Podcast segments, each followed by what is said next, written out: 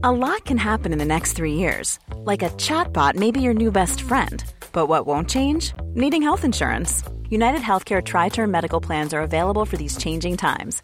Underwritten by Golden Rule Insurance Company, they offer budget friendly, flexible coverage for people who are in between jobs or missed open enrollment. The plans last nearly three years in some states, with access to a nationwide network of doctors and hospitals. So, for whatever tomorrow brings, United Healthcare Tri Term Medical Plans may be for you. Learn more at uh1.com. Halo, selamat datang di Ganteng-Ganteng Manchester United. Balik lagi bersama gue Alvin dan juga Saung. Gimana Ung, apa kabar? Alhamdulillah dengan uh, ke kemenangan dengan hasil yang cukup bisa diterima oleh masyarakat umum ini ya. Imbang satu-satu melawan juara Liga Spanyol musim lalu. Uh-huh. Ini patut disyukuri sih, men. Semoga uh-huh. ini bisa menjadi apa ya hasil yang bisa mendorong kita lah untuk pertemuan kita nanti selanjutnya di UCL. Betul betul. Terus sendiri gimana, Vin? Iya, gue sangat bersyukur sih dengan hasil kemarin karena kita babak pertama tuh hancur banget nih.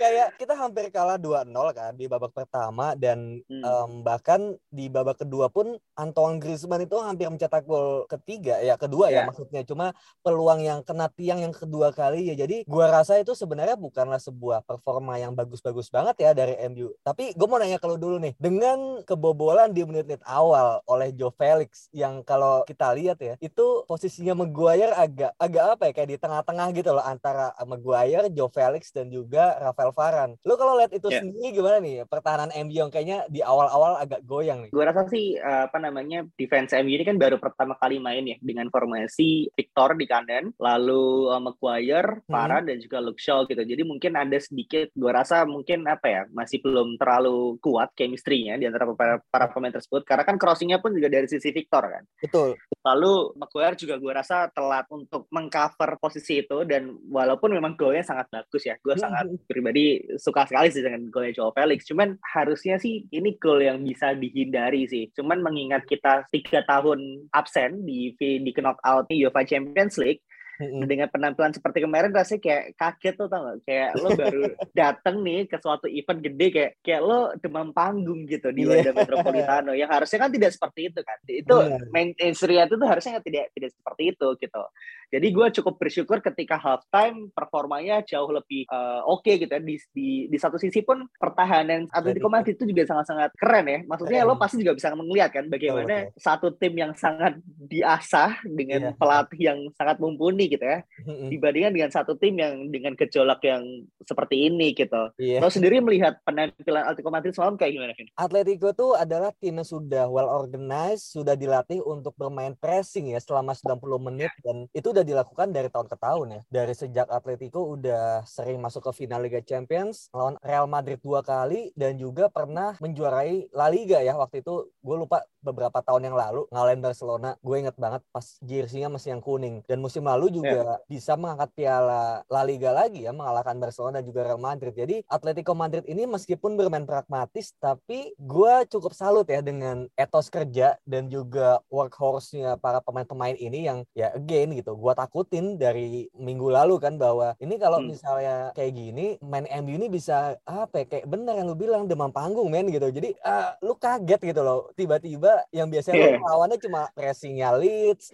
pressingnya Brighton tiba-tiba pressingnya Atletico kan gitu kaget banget yeah. gitu dan gue cukup bersyukur yang sangat-sangat berbeda ya bener beda banget dan gue cukup bersyukur Luis hmm. Suarez sih kemarin masih absen ya mungkin gue rasa di Old Trafford tapi gue menarik tadi ketika lu mention masalah Victor Lindelof yang ada di kanan dan Ralf Rangnick pun di after matchnya dia bilang bahwa ada rencana untuk memainkan formasi tiga back di pertandingan kemarin hmm. ya kan ada ada yeah. kalimat seperti itu dan ternyata ketika kebobolan di menit kelima rencana itu tidak dilakukan karena kebobolan jadi ngapain lo pakai tiga tiga back gitu yeah. nah lu lu ngeliat ini sendiri gimana apakah ini sebenarnya terlalu berjudi Rangnick ini atau sebenarnya dia emang taktikal master kelas aja gitu seperti yang kita gaungkan selama ini iya yeah. padahalnya ketika gue ngeliat starting line up-nya ya dengan dengan ada tiga center back di back four kita, gue pikir juga itu akan main sebagai apa ya tiga lima dua gitu atau bahkan lima tiga dua gitu kan. Hmm. Cuman melihat bagaimana Atletico pun juga memiliki formasi yang sama, mungkin pada saat itu Rangnick nge-tweet sedikit gitu ya formasinya. Jadi 4-4-2 atau 4-2-3-1 gitu. Tapi kalau misalkan pun main sebagai 3-5-2, di sisi kanan tuh jelek banget Pak dengan Rashford gitu loh. Lo lihat sendirilah bagaimana penampilan Rashford semalam gitu ya. Gue nggak, gue tidak ingin berkata terlalu kotor gitu, ya, terlalu buruk. Cuman tidak seharusnya seorang pemain yang sudah ada di United selama 5-6 tahun mainnya tuh masih seperti itu gitu loh. Masih masih masih mementingkan dirinya sendiri gitu. Bahkan beberapa kali Victor Lindelof kewalahan sendiri karena dia tidak tidak backtrack yang back, dengan, back. dengan disiplin gitu. Iya, nah ini yang yang menjadi masalah gitu kan. Makanya ketika di babak kedua lalu Rangnick membuat tiga subs itu menurut gue adalah suatu approach yang sangat-sangat bagus gitu. Bahkan di episode lalu kan kita sudah sempat mention tentang hal ini kan tentang bagaimana Rangnick itu bisa melihat pertandingan tuh secara apa ya secara berbeda gitu loh Betul. dia indeed menurut gue memang tactician master class sih gitu iya. lo bayangin ketika lo ketinggalan satu gol nih di di Wanda Metropolitano. Lo masukin nama Jamatic Alex Teles sama Aaron Wan Bisaka pak. Itu kan agak gak masuk akal ya. Berarti gak lo? Jadi kayak betul betul betul. kok, bi kok bisa bisa lo kurang Kepikiran gol, gitu. Lo gak bisa bikin gol tapi lo malah bikin sub yang defensif gitu loh. Iya iya dan iya. it works gitu. Betul. Kenapa? Karena Fred sama sekali tidak bisa bekerja di situ di di, Benar. di lini tengah gitu dengan adanya apa Bruno dan Pogba yang saling overlapping gitu ya. Iya iya iya. Dengan adanya Matic yang bisa bawa bola dari apa dari belakang ke depan itu sangat sangat bikin dimensi penyerang apa serangan kita tuh jadi lebih berbeda gitu benar benar benar dan um, sebenarnya akun GGMI juga udah nge-tweet ya di momen Yeah. di pertandingan itu dan bahwa kita Yeah, semua yeah, yeah. melihat betapa lini tengah MU ini tidak sinkron dengan baik trio Fred Pogba dan Bruno Fernandes ini apa ya kayak kelihatan tidak nggak sinkron dan juga nggak nggak tahu nih perannya masing-masing gimana Iya, gitu. iya, iya. Dan yang paling disadari adalah ya peran Pogba dan Fred ya, yang mana mereka sebenarnya lebih bagus sama-sama di posisi 8 ya kan, menjadi dua Hmm. delapan yang bisa ngepres ke depan dan sayangnya Fred malah harus di posisi nomor 6 karena Scott McTominay eh, ternyata Cedera. sakit kan. Iya, sakit Hmm. dia kan sakit nggak tahu ya, pilek atau apa gitu. Dan di sana gue juga nge-tweet kan bahwa nih Fred nggak bisa nih, Fred harus maju ke depan. Cuma gue emang nggak bilang kalau Pogba yang harus diganti gitu. Dan gue juga mikir bahwa namanya Matic harus bermain dan ternyata mainnya bagus banget men gitu. Menurut gue ya, Ya. kalau menurut gue pribadi ya Matic adalah seorang pemain yang mengubah pertandingan bahkan di luar gol Elangga ya, bahwa Matic ini bisa memenangkan lini tengah MU yang di babak pertama itu sama sekali nggak kelihatan. Kalau dari lu sendiri gimana nih melihat pergantian-pergantian terutama Nemanja Matic dan juga Anthony Elanga yang dampaknya langsung kelihatan di babak kedua. Ya, gue setuju ketika lo bilang namanya Matic mengubahkannya pertandingan ya, karena dengan satu pasnya atau bahkan satu triplenya dia itu, itu bahkan bisa membuka beberapa ruang di lini tengah gitu. Karena somehow ketika gue ngelihat permainan United gitu ya, pemain-pemain MU ini kadang lupa mereka tuh bisa triple pak gitu. Mereka tuh kadang kesusu untuk umpan ketika Iya ketika di babak pertama itu entah berapa kali Maguire, Varane pegang bola dan cuma passing-passing sideways doang gitu loh. Itu kan Betul, betul, capek iya, banget kan bakal lihatnya gitu loh. Karena memang defensifnya Atletico ini kan sangat-sangat rapat ya uh, Iya. dengan lima lima back di belakangnya gitu. Ketika lo tidak ada seorang pemain yang bisa membelah lini tengah itu gitu dan bahkan tidak ada penyerang yang bisa running behind, ya lo akan passing-passing ke samping terus gitu loh. Makanya Rangnick post matchnya bilang permainan di babak pertama tuh jelek banget gitu. Harusnya Betul. tuh kita nggak nggak seperti itu, nggak sideways sideways sampah kayak gitu gitu loh Hmm. tapi kayak itu seperti yang lo bilang itu karena apa lini tengah kita tidak berfungsi gitu loh bahkan gua rasa Bruno Fernandes semalam itu worst performance ever sih walaupun bisa bisa ini ya bisa Satu asis ya Iya. mungkin itu mungkin itulah yang bikin kenapa Pogba marah waktu dia diganti gitu karena karena Pogba gua rasa dia bisa duel di lini tengah nih Mm-mm. cuman Rangnick melihat dia tidak kreatif enough untuk bikin satu kipas kayak Bruno Fernandes gitu loh Iya, ha-ha. ini yang ini sama-sama ini, jelek, ini uh, uh. sama-sama jelek tapi kenapa gue yang ditarik gitu? Exactly exactly gitu kan dan bahkan Fred masih di situ gitu. Iya, iya, iya. Cuma, cuma gue sih emang setuju banget ya sama yang sama keputusan Rangnick ya bahwa Pogba ini yang yang kita lihat ya Pogba itu kelamaan pegang bola men gitu.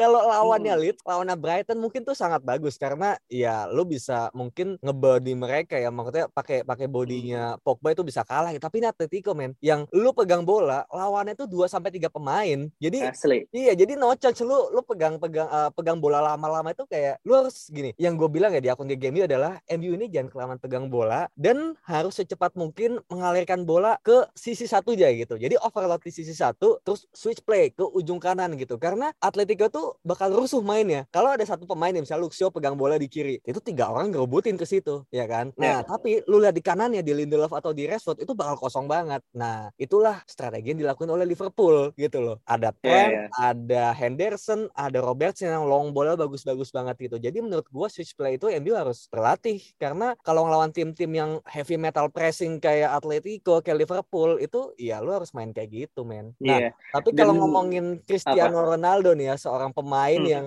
mengambil kembali tendangan bebas yang seharusnya tidak perlu dia diambil lagi gitu.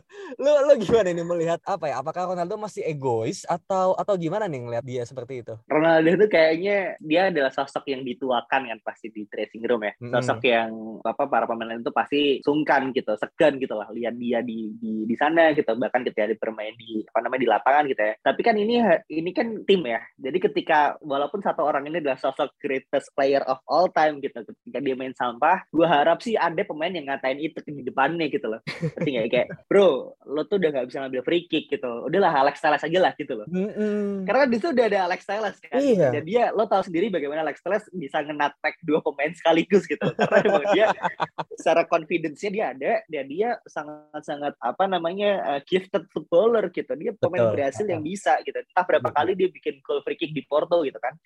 Harusnya memang memang apa ya, Kapten United gitu. Misalkan Harry Maguire lo bilang lah gitu. Komunikasi di lapangan tuh menurut gue sangat penting banget sih karena banyak dari mereka tuh kayak kayak masih kurang percaya satu sama lain gitu sih gue ngelihatnya seperti itu gitu iya iya iya lu minta sama gue yang buat ngomong ban kaptennya aja mau dikasih ke Ronaldo mana berani ya Iya, dan dan mereka yang bilang Ronaldo is a problem kan tidak nonton pertandingan selama 90 menit ya. Mungkin dia melihatnya ketika Ronaldo miss atau apa segala macam gitu. Cuman berapa banyak bola yang bisa deliver ke Ronaldo itu kan banyak banget gitu. Seperti apa namanya yang yang yang nggak kesampaian gitu. Entah berapa kali yang yang harusnya bisa jadi uh, kesempatan tapi pastinya katro gitu. Entah dari apa Luke Shaw, entah dari lini tengah, entah dari uh, Rashford. Gitu. Makanya ketika Elanga datang dan seperti yang gue bilang di episode sebelumnya gitu ya ketika Elanga datang ini dia pasti kan punya sesuatu untuk to prove kan something to prove gitu. Dan gue sempat mention bahwa Chan Oblak ini kan punya kelemahan kan. Iya yeah. dan ternyata dan ternyata dia bilang tuh di post matchnya gitu dia melihat Chan Oblak itu jarang ngambil jarang nge-cover sisi kanannya gitu. Dan ini ya yang gue bilang ketika ketika pemain bisa mengeksploitasi kelemahan dari si uh, Chan Oblak kita pasti punya chance nih. Cuman ketika apa namanya komunikasi di di lapangan tidak tidak apa tidak berjalan dengan lancar gitu ya. Ketika semua orang semua hal dibuka kepada Ronaldo ya ya tetap sulit pak. Betul betul. Gue harap sih di match selanjutnya nggak akan nggak akan nggak akan kayak gini lagi sih gitu.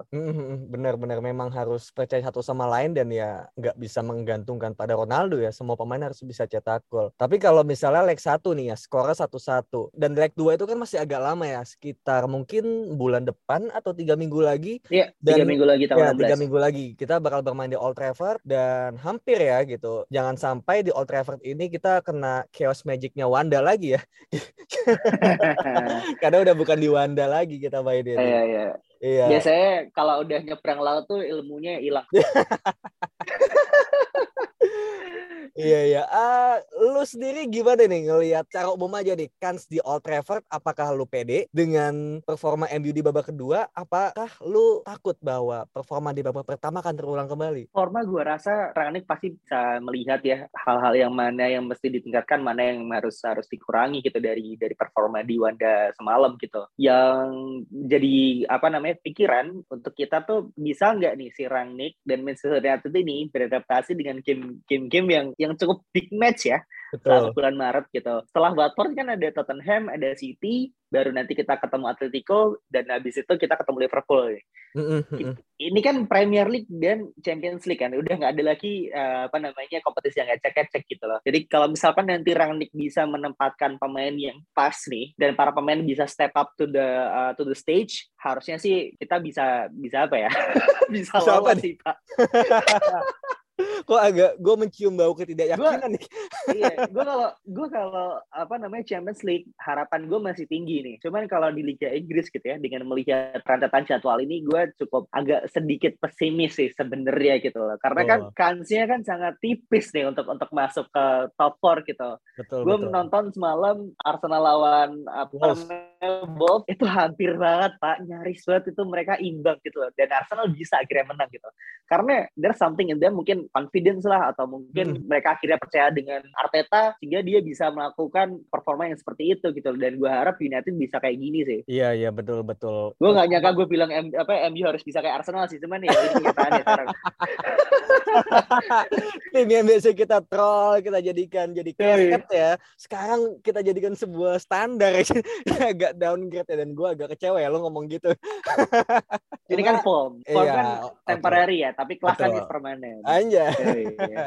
Iya iya semoga Arsenal kebetulan Arsenal tuh kan masih ada two games in hand ya yang mana yeah, yeah, yeah. lawannya itu Chelsea dan juga Spurs gitu. Bukanlah sebuah lawan yang bisa diremehkan juga. Jadi gua harap di dua match itu Arsenal juga akan terpleset ya. Yang mana meskipun Harus. Arsenal terpleset, gue juga nggak yakin MU nggak akan kepleset lagi gitu. Jadi karena masalah MU itu kan dirinya sendiri gitu loh, bukan orang lain gitu. Betul. Masalah itu di tim Betul. mereka sendiri gitu. Jadi kalau lu tadi mungkin optimis gitu ya, gue pun optimis juga gitu. Yang mana gua harap ya Rangnick belajar gitu. Semoga ada pembelajaran dari hal-hal itu yang mana kalau misalnya kemarin mungkin kita habisnya di babak kedua kan. Tapi sekarang kita iya, malah yeah. startnya agak jelek nih di babak pertama agak hancur gitu. Di babak kedua malah lebih bagus gitu. Itu kan jadi sebuah anomali tersendiri. Kenapa di Liga Champions malah beda nih kayak gitu kan. Dan kalau misalnya kita lihat lagi minggu ini kita bakal melawan Watford di hari Sabtu jam 10 malam. Yang mana jadwalnya iya, agak mepet ya. Kita baru main kemarin Kamis pagi tapi Sabtu udah main lagi. Jadi mungkin ada FA nih nggak suka ya sama MU kan. Setelah kita juga didenda kemarin kan gara-gara pemain kita protes berlebihan lawan Brighton itu agak nggak masuk akal sih ya kan. Dan menurut lo gimana nih kan kita melawan Watford tim yang membuat MU akhirnya memecat oleh Gunnar Solskjaer. Apakah lo akan berharap MU membalas dendam atau malah berterima kasih karena sudah memecat oleh Gunnar Solskjaer? Gimana nih? Wah, harus balas dendam lah, Bro. Gunnar Solskjaer itu kan pahlawan kita semua ya.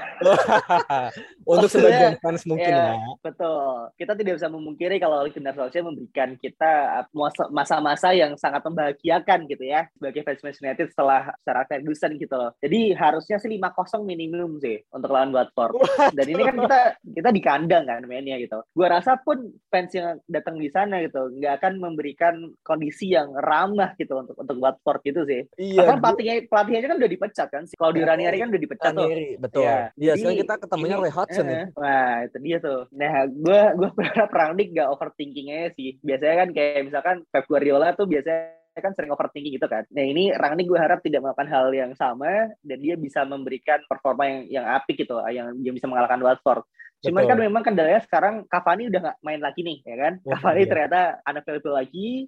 Lalu habis itu si Scott McTominay juga unavailable. Dan dengan pertandingan semalam, Vin, siapa yang kira-kira pantas masuk starting line up untuk lawan Watford? Kalau dari gua sebenarnya base-nya sama ya, tetap 4-3-3 dengan mungkin gua akan mencoba untuk mempercayakan Diogo Dalo kembali ke kanan yang mana di match sebelumnya kan yeah. Saka ya lawan Leeds United dan kemarin juga Victor Lindelof. Jadi gua rasa dengan tim yang kita butuh mencetak gol, Diogo Dalo pantas untuk bermain di kanan. Nah, kalau untuk back kirinya gua rasa Luke Shaw masih bakal konsisten meskipun di satu sisi gue pengen melihat Alex Telles bermain gitu karena udah udah lama juga kita ngeliat dia bermain dan kita lihat determinasi yeah. dia di babak kedua kemarin cukup untuk menunjukkan bahwa ya dia bisa fight juga untuk back kiri kayak gitu. Dan untuk back tengah mungkin gue lihat Maguire dan juga Varan ya karena ya Varan udah kembali lagi gitu. Jadi menurut gue tetap Varan over Lindelof untuk saat ini ya gitu. Meskipun Lindelof pun nggak jelek mainnya dia bagus. Cuma menurut gue ini persaingan sangat sehat dan kalau tengah harusnya ya menurut gue melihat Watford yang mungkin masih angin-anginan bermainnya dan juga pelatihnya yang juga mungkin belum terlalu settle. Gue rasa bisa dimainkan kembali pahlawan kita. Menurut gue ini menurut gue mungkin mungkin lu tidak setuju gitu. Gue ingin melihat Nemanja Matic bermain kalau okay. kalau Scott McTominay masih sakit gitu. Gue daripada melihat Fred jadi DM, gue mending Matic yang main di situ Asal ada backupnya yaitu Fred gitu. Dan kalau dia udah kecapean berarti Rangnick harus mengganti formasinya. Entah menjadi 352 atau Matic diganti. Yang penting lu harus bisa lihat bahwa nih Matic kalau udah kecapean lu butuh melakukan sesuatu nih. Dia jangan main 90 menit. Either dia harus main dari babak kedua atau cuma main mungkin satu setengah babak aja. Kayak gitu sih menurut gua how to play Nemanja Matic sih. Dan Pogba dan Bruno menurut gua akan dipilih salah satu karena ya again yang gue bilang Pogba dan Bruno ini bagus banget tapi kalau kita belum punya DM yang bagus itu unbalance banget di tengah. Mungkin balance-nya cuma sekitar satu babak tapi babak selanjutnya MU bakal keteteran banget. Itu sih yang gue lihat kenapa MU tetap harus memilih salah satu antara Pogba dan juga Bruno. Dan kalau lini depan menurut gue udah gak ada pilihan lagi selain Ronaldo, Sancho dan juga Elanga. Bener bener bener. Gue setuju sih. Cuman di poin uh, lini tengah untuk melihat Matic main kembali ya apa namanya gue rasa sih sayang sih pak gitu. Karena kan kita cuma melawan Watford ya dan setelah itu kan kita ada Tottenham Hotspur dan juga ada uh, Manchester City gitu. Betul, betul. Jadi ini mungkin pertandingan yang cukup pas untuk meningkatkan chemistry antara Bruno, Pogba dan Fred sih. Karena kayak kembali lagi gitu. Pertandingan ini tidak terlalu signifikan untuk Matic main, tapi juga tidak terlalu gampang juga nih untuk untuk untuk membiarkan dia bisa main di situ gitu. Karena mm -hmm. kita punya quality di Bruno dan juga di Pogba. Agak aneh kalau mereka tidak bisa main bareng gitu loh. Mm -hmm. Ini yang mungkin ini yang harus harus di, diselesaikan Rangnick sih. Mungkin Pogba harus di drop tidak di posisi nomor 8 tapi di double pivot dan dan Bruno di depan sendiri atau main sejajar aja gitu. Uh, apa namanya 28 dan 16. Cuman kan keterbatasan kita di lini tengah kita gitu. kita betul, udah nggak punya de Beek, kita udah nggak punya uh, kita meja matik juga tidak tidak sefit yang dulu gitu. Buat Mata yang gue harap kemarin main karena dia udah sempat mau pemanasan gitu kan, tapi ternyata nggak jadi main gitu. Lingard juga mainnya udah kayak nggak ada semangat dengan musim-musim yang sebelumnya gitu. Betul betul. Makanya gue pengen melihat Juan Mata yang main sebenarnya besok ya lawan Watford mungkin ya mungkin selama satu babak aja mungkin di babak pertama untuk melihat apakah Juan Mata ini bisa memecahkan masalah yang dialami oleh Bruno, Pogba dan Fred semalam gitu. Dan pasti kan kayak lo bilang di episode lalu kan Bruno ini kan dominasinya hampir tidak tergoncang kan. Betul. Jadi ketika dia memiliki kesempatan untuk melihat cara bermain di bangku cadangan harusnya bisa menjadi insight juga buat dia untuk main di match selanjutnya gitu loh. Dia pasti bisa melihat oh gue harusnya seperti ini nih, gue harusnya seperti ini nih gitu. Karena ketika lo main dan lo nonton di bangku cadangan, lo kan pasti kan akan punya sensasi yang berbeda kan, lo akan punya pengalaman view yang berbeda gitu.